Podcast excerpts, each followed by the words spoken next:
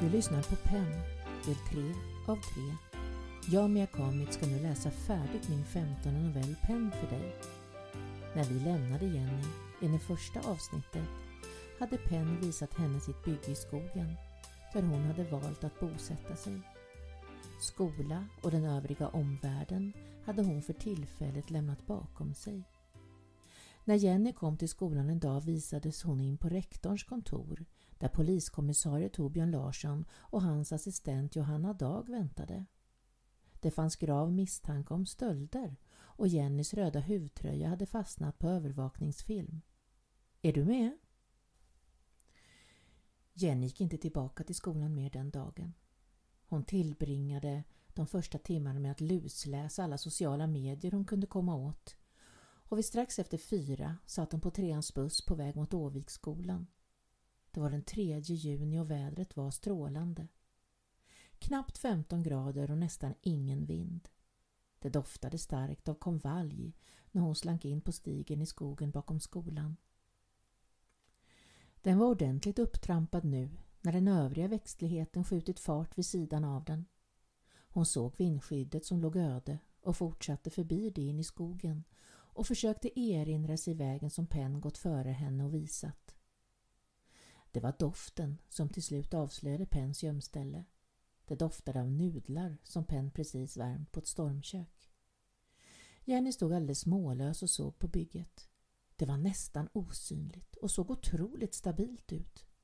Hon förstod direkt vad såg, yxa, presenningar, silvertejp och annat hade använts till. Jenny, du kom! Jenny ryckte till. Hon hade inte gett sig till känna utan Penn hade istället upptäckt och överraskat henne. Kom, jag vill visa dig! Penn hade valt ut en granplantering där granar stod sida vid sida i raka rader. Hon hade avlägsnat grenarna på insidan i huvudhöjd och ner till backen och lämnat grenarna på utsidan av den lagom stora kvadraten kvar. Därför var det så svårt att upptäcka kojan. Fyra granar hade hon fällt med såg direkt vid marken för att skapa sin boendeyta där golvet bestod av granris närmast backen. Liggunderlag och överst trasmattor i alla tänkbara färger, längder och storlekar. Väggarna hade Penn flätat med vidjor och grenslanor som hon kvistat rena och sedan böjt fram och tillbaka mellan granstammarna. Med en knapp meters höjdskillnad hade hon spänt ett snöre då hon hängt granris som lott till en slät granväggsbonad från golv till tak. Över riset hade hon gjort fast ytterligare mattor och filtar. Taket hade hon skapat av långa grenar och vidjor som en pergola lagt spända pressändningar om lott i flera lätt lutande sektioner så att regnvatten skulle rinna av en bit utanför väggarna samtidigt som det lämnade smala springor som röken från eldstaden kunde hitta ut igenom. Längs bortre sidan var en bädd där täcken och fårskinnsfällar låg tillsammans med kuddar. En pall som sängbord och två fälgar från någon större bilmodell låg ovanpå varandra i mitten av kojan jord och sten i botten på den ena, den översta kolfylld och ett galler på toppen som kronan på verket av eldstaden. Längs den andra väggen stod plastbackar med lock fyllda med förnödenheter. Allt var så oerhört genomtänkt och Jenny var stum av beundran. Dörren till den väl dolda kojan var liten och trång för att underlätta att få öppningen tät och lättstängd. En stor vattendunk med tappkran stod på en pall och en likadan välfylld och redo bredvid. En skrinda stod på lut i ena hörnet. En sån med rött handtag som brukar stå kvarglömd på ett dagis eller en skolgård. Vad tycker du? sa hon nöjt. Jenny skakade på huvudet och bara tittade på allt. En trevlig glaslykta hängde från taket med ett stort gravljus i och flera lyktor med värmeljus och blockljus fanns utställda här och var. Det var mysigt och hemtrevligt. Jenny noterade också hur annorlunda Penn verkade till sinnet. Hon var osminkad och ren och hade håret i en mjuk ihopsamlad tofs som låg längs nacken och ner en bit på ryggen. Hon såg glad ut. Jenny spanade efter sin röda luvtröja men såg den inte. På spikar hängde annars olika plagg, allt ifrån regnkappa till både tunna och tjockare jackor. Nå? Ja, det är otroligt. Här kan man ju verkligen bo. Ja, jag sa ju det. Ska precis äta. Vill du ha? Tack, det behövs inte. Jag åt tidigare. Kaffe då? Eller te? Ja, visst. Kaffe gärna. Om det inte är besvärligt. Inte alls. Köket är ju redan framme. Hon slår vatten i en pyts som hon placerade på stormköket som hon nu lyft in och ställt på grillgallret. Hon tog fram pulverkaffe, kopp och sked och en rulle Bragokex. Det var färdigt på ett ögonblick och Jenny satt på sängbordspallen med koppen i handen och såg på medan Penn slevade in nudlar. Vart har du fått tag på allt det här? sa hon och svepte med blicken över rummet. Lite varstans, mestadels loppisar, kostar inte många kronor, vilket jag heller inte har. Folks olåsta garage, uthus och husvagnar kanske, fortsatte Jenny. Eller från ett dagis. Hon nickade mot skrindan. Varför tror du det? sa Penn med ett flin på sina läppar. Därför att jag fick besök av två poliser som undrar om jag varit på tjuvturné iklädd min röda fleecetröja. Va? Du har fastnat på bildpen och cirkulerar på sociala medier i mitt namn. Lägg av! I ditt namn? Jag sa att min tröja blivit snodd, så än har de inte burat in mig. Men det känns inte okej, okay, Penn. Så du tror att jag har snott din tröja? Jag vet när du tog den. Det kan ju vara äcklet. Sebastian heter han och jag tror inte han kan klämma sig in i min tröja. Linda? Haha. Jag känner bara en som skulle ha nerver och fräckhet att göra något sånt. Och det är dessvärre du, Penn. Skit i det nu. Kom ska jag visa dig dasset. Jenny vinglade med Penn ut ur hyddan som i trans. Timmarna gick och de hade trevligt tillsammans medan Penn guidade Jenny runt hennes nya tillvaro. Hon visade vart det fanns en utomhuskran där de kunde hämta färskvatten och vart de kunde ladda sin mobil. De tände ljus in i hyddan när det började mörkna och Penn försökte övertala Jenny att stanna över natten. Nej, jag ska hem. Ta treans buss nu vid elva. Kan du sova hemma då? Kanske. Hör du oss från skyddet härifrån? Hör ni mig? Nej. Jag vill ha tillbaks min tröja, sa Jenny och reste sig. Jag ska se om jag hittar den. Vad då? Vet du inte var den är? Nej, inte på rak arm. Ska titta efter den. Kommer du tillbaka? Om du slutar att stjäla saker. Penn flinade igen. Ser du något värdefullt omkring dig? Det spelar ingen roll. Man stjäl inte. De såg på varandra och Jenny kände att hon faktiskt inte ville gå. Penn hade fått det väldigt hemtrevligt i kojan. Och det kändes verkligen som en parentes från verkligheten. Kravlöst, lugnt och enkelt.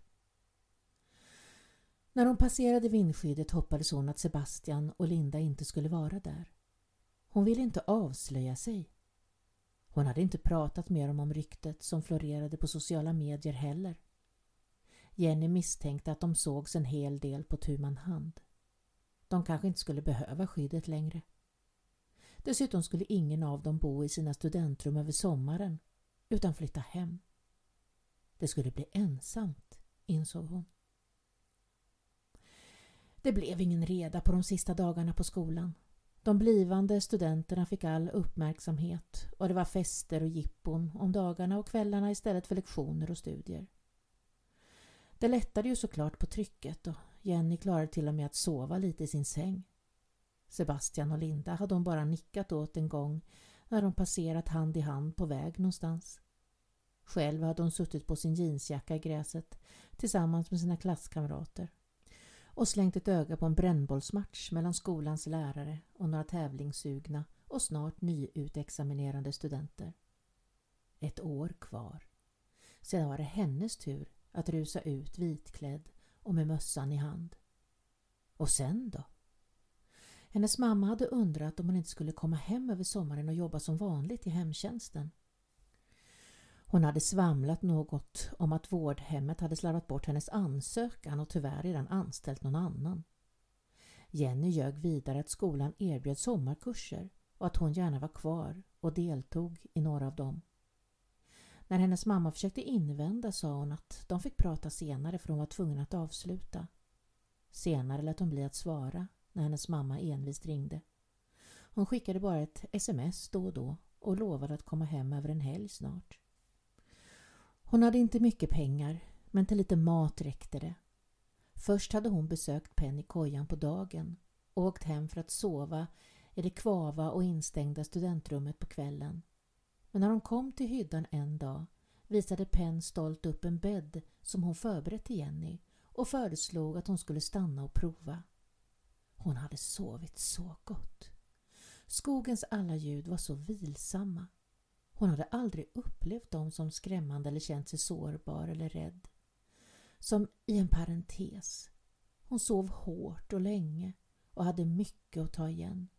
Lata dagar som bara innehöll överlevnad, mat, värme och lite praktiska göromål som att hämta vatten, diska och tvätta, städa och hålla rent. De förbättrade kojan och samlade ved.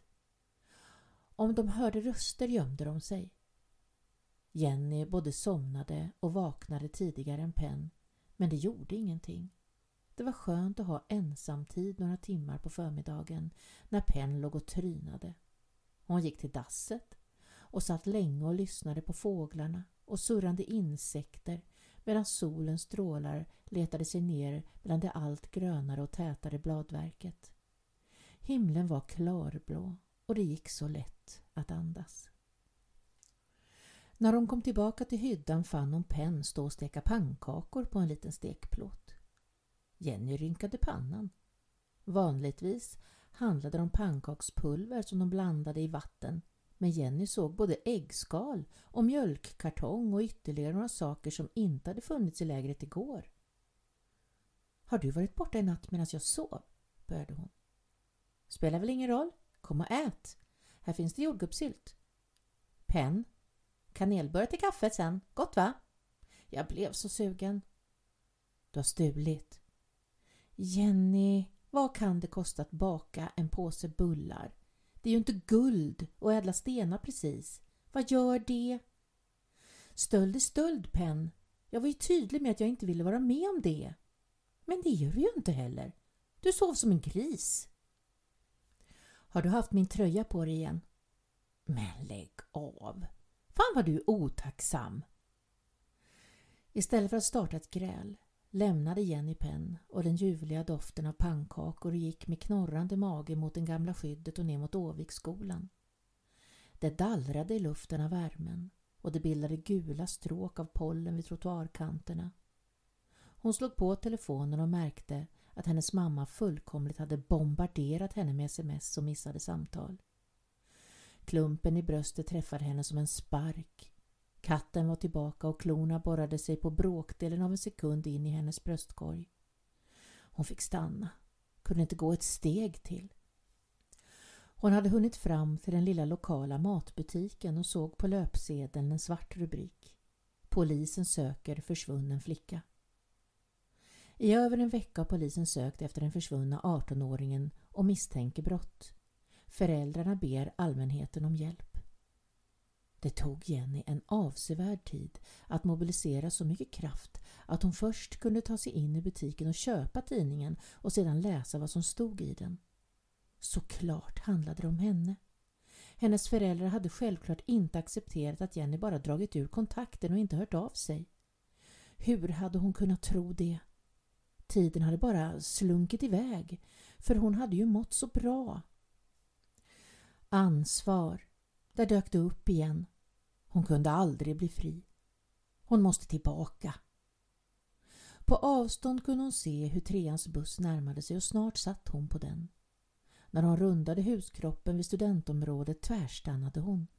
Det stod en polisbil nedanför hennes trappa och det satt rött och vitt plastband utanför hennes dörr. Hennes rum var en misstänkt brottsplats. Hennes mobil pep till och hon tryckte ryggen mot den gråmålade träfasaden och gled ner i sittande med knäna uppdragna framför kroppen och lät håret hänga ner framför ansiktet och skymma solen från displayen. Det var från Penn. Det stod kort och gott. Vill du ha tillbaka din röda tröja? Jenny fick en ny spark i bröstet. Penn hade såklart fortsatt ränna ut om nätterna iklädd hennes röda tröja.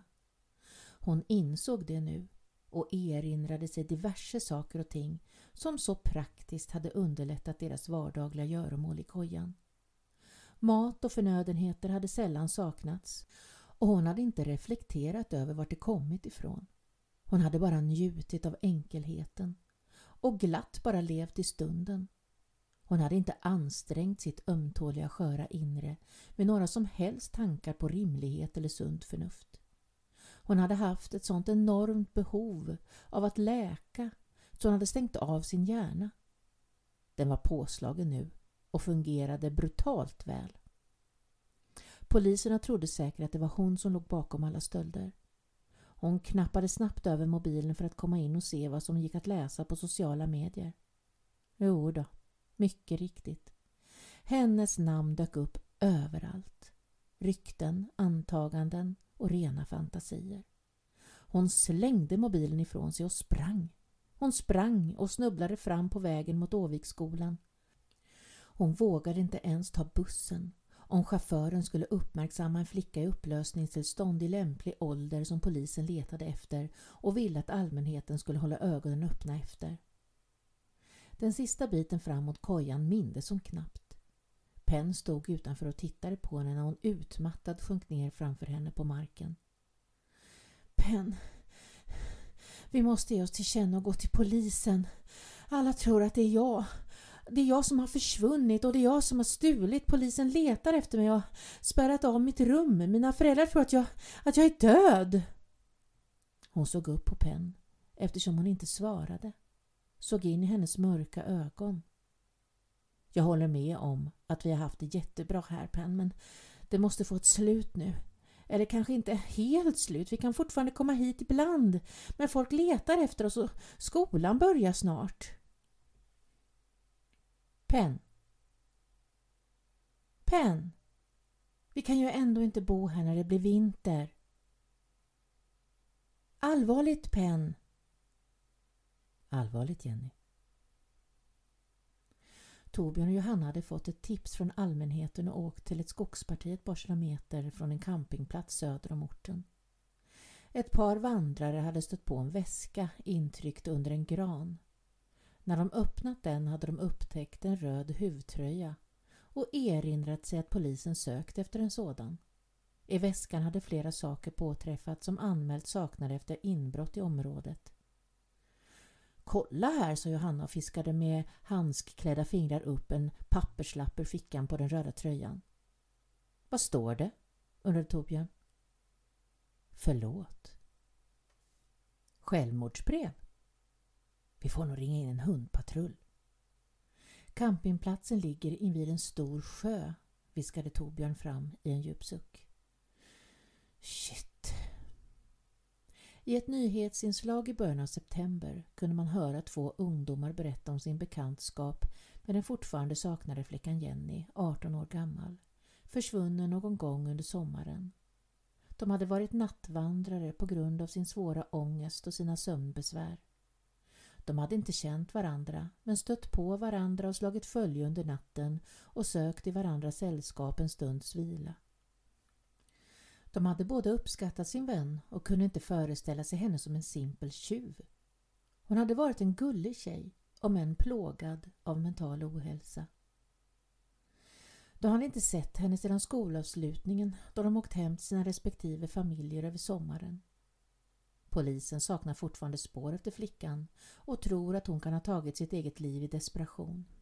Efter det korta inslaget följde sport och väder. I skogen bakom Åviksskolan hade det börjat bli kyligt om kvällarna. Bladen började skifta i gult och hösten bjöd stundom på regn och blåst. Penn, du måste låta mig gå. Vi måste bort härifrån innan vi fryser ihjäl. Snälla, jag vill inte dö. Jag kommer inte ange dig. Du får stanna om du vill men du måste låta mig gå. Allvarligt Penn.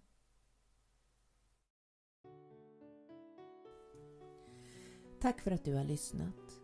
Att ha blivit så sårad och sviken av samhället att det tvingar en person att vända ryggen åt det innebär också att den personen går miste om den hjälp som finns att få. Jag önskar hett att vår besynnerliga tid ska satsa ännu mer på att hejda utveckling som skapar psykisk ohälsa. Att utsätta barn med stora behov synliggörs tidigt och att de skulle ha tillgång till större rättigheter och vuxna fler skyldigheter. Det är svårt att boxera in en skuta när den drivit för långt ut till havs. När den knappt syns i horisonten om någon ens tittar. Det är aldrig den enskildes fel. Bara alla tillsammans kan skapa goda och nödvändiga förutsättningar. Min nästa novell heter Dagmar och handlar om en gammal kvinnas historia. Vi gör ett besök på serviceboendet Birgittagården där en kvinna utan anhöriga går bort. Hon har burit på en stor och svår hemlighet som en av de anställda börjar nysta i. Hon tycker att det är för sorgligt att en människa ska behöva lämna jordelivet mol alena och hennes långa tid på jorden suddas ut utan att lämna minsta krusning på vattenytan. Hoppas du blir nyfiken och vill lyssna vidare. Ta hand om dig nu tills vi hörs igen. Hälsningar från mig, Mia Kamitz.